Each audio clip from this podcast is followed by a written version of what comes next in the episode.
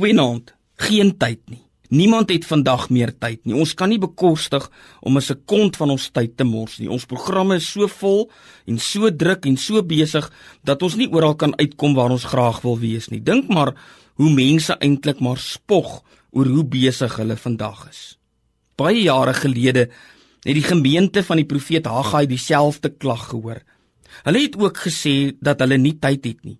Na jare in Babel se gevangenskap het die volk teruggekeer na hulle eie land en het hulle hard aan die werk begin spring om weer hulle lewens te herbou.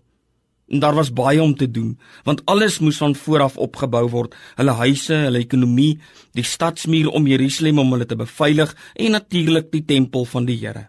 En op 'n stadium wys die profeet vir hulle dat hulle nog nie aan die tempel begin werk het nie.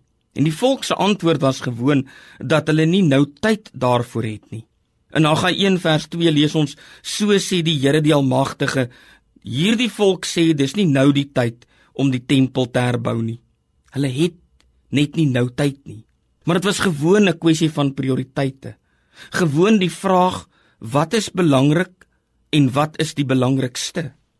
Want dit bepaal waarvoor jy tyd het. Maak tyd vir die belangrikste dinge in die lewe. Maak tyd vir die dinge in jou lewe wat regtig saak maak. Moenie tyd mors met onbenullighede nie. Daarvoor is daar nie tyd nie. Ons bid saam.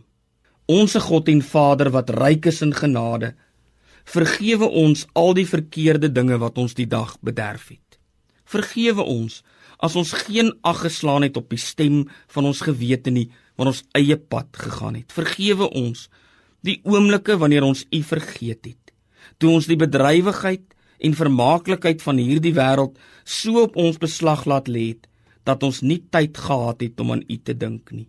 Vergewe ons as ons U bedroef het.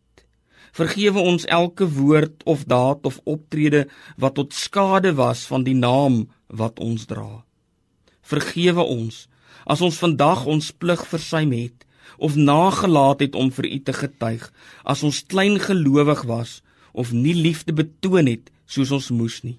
As ons dink hoe ons misluk het, dank ons u dat u Jesus Christus aan ons gegee het om 'n losprys vir baie te wees en dat hy die lam van God die sonde van die wêreld en ook ons sonde wegneem. Laat ons voordat ons gaan slaap in hom u vergifnis en vrede vind. Ons vra dit om u liefde ontvul. Amen.